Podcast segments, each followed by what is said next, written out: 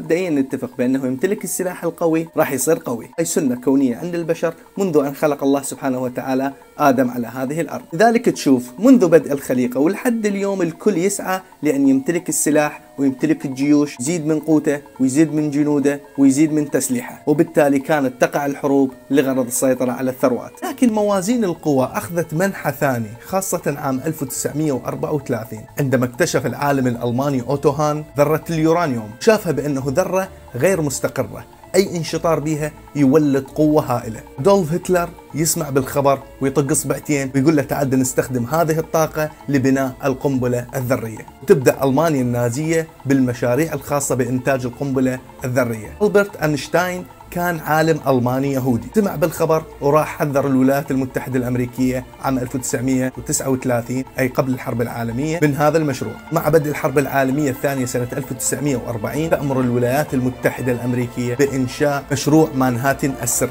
بدعم بريطاني ودعم كندي للإسراع في تصنيع القنبلة الذرية قبل هتلر. وضم المشروع نخبة من علماء الفيزياء النووية وبلشوا بالإعدادات. الجانب الآخر وتحديدا عند الاتحاد السوفيتي اكتشف السوفيت بمشروع مانهاتن مانهاتن السري. من خلال شبكة الجواسيس التي كانت داخل الولايات المتحدة أمر ستالين ببدء المشروع السوفيتي للطاقة النووية. ويجي العام 1945 أمريكا تنجح في إنتاج أول قنبلة نووية. تم إلقائها على هيروشيما وناكازاكي وقتلت أكثر من 120 ألف شخص. القنبلة كانت اسمها the little boy أو الولد الصغير. والقنبلة اللي أسقطت على ناكازاكي كان اسمها the fat man أو الرجل البدين. تنتهي الحرب العالمية الثانية وتكسب أمريكا والحلفاء الحرب. تصير أمريكا رسميا البلد الوحيد الذي يمتلك السلاح النووي وتقعد ركبة ونص على العالم كله. لكن عام 1949 يعلن الاتحاد السوفيتي عن نجاح التجربة النووية لأول قنبلة سوفيتية. أمريكا يجيها مغص وتبدأ الحرب الباردة. طبعا السوفيت كانوا متفوقين على أمريكا في المجال النووي لأن جميع موارد الدولة كانت تستثمر في الجهد العسكري. فصنعوا الصواريخ البالستية القادرة على حمل الرؤوس النووية بل كانت قنبلة تحملها طائرة وتلقيها. هسه لا صارت صواريخ. وانشئوا الغواصات النووية حد ما يجي العام 1961 تحديدا شهر أيلول اللي هو الشهر التاسع ويصير حدث يهز العالم كله.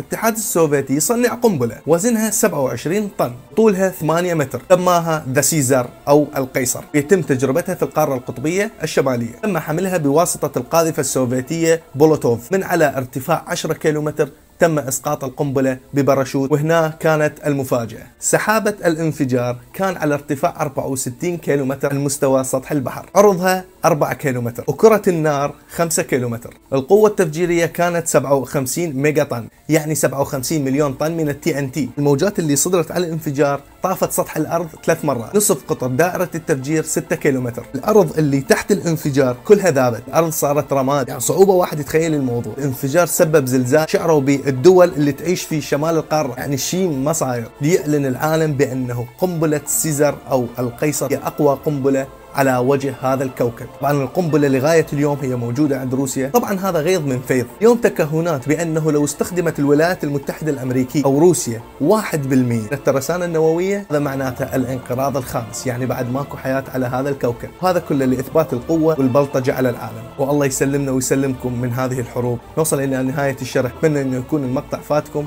ولا تنسون تخلونا لايك للفيديو مشاركة على القناة. شكرا جزيلا لكم. في أمان الله.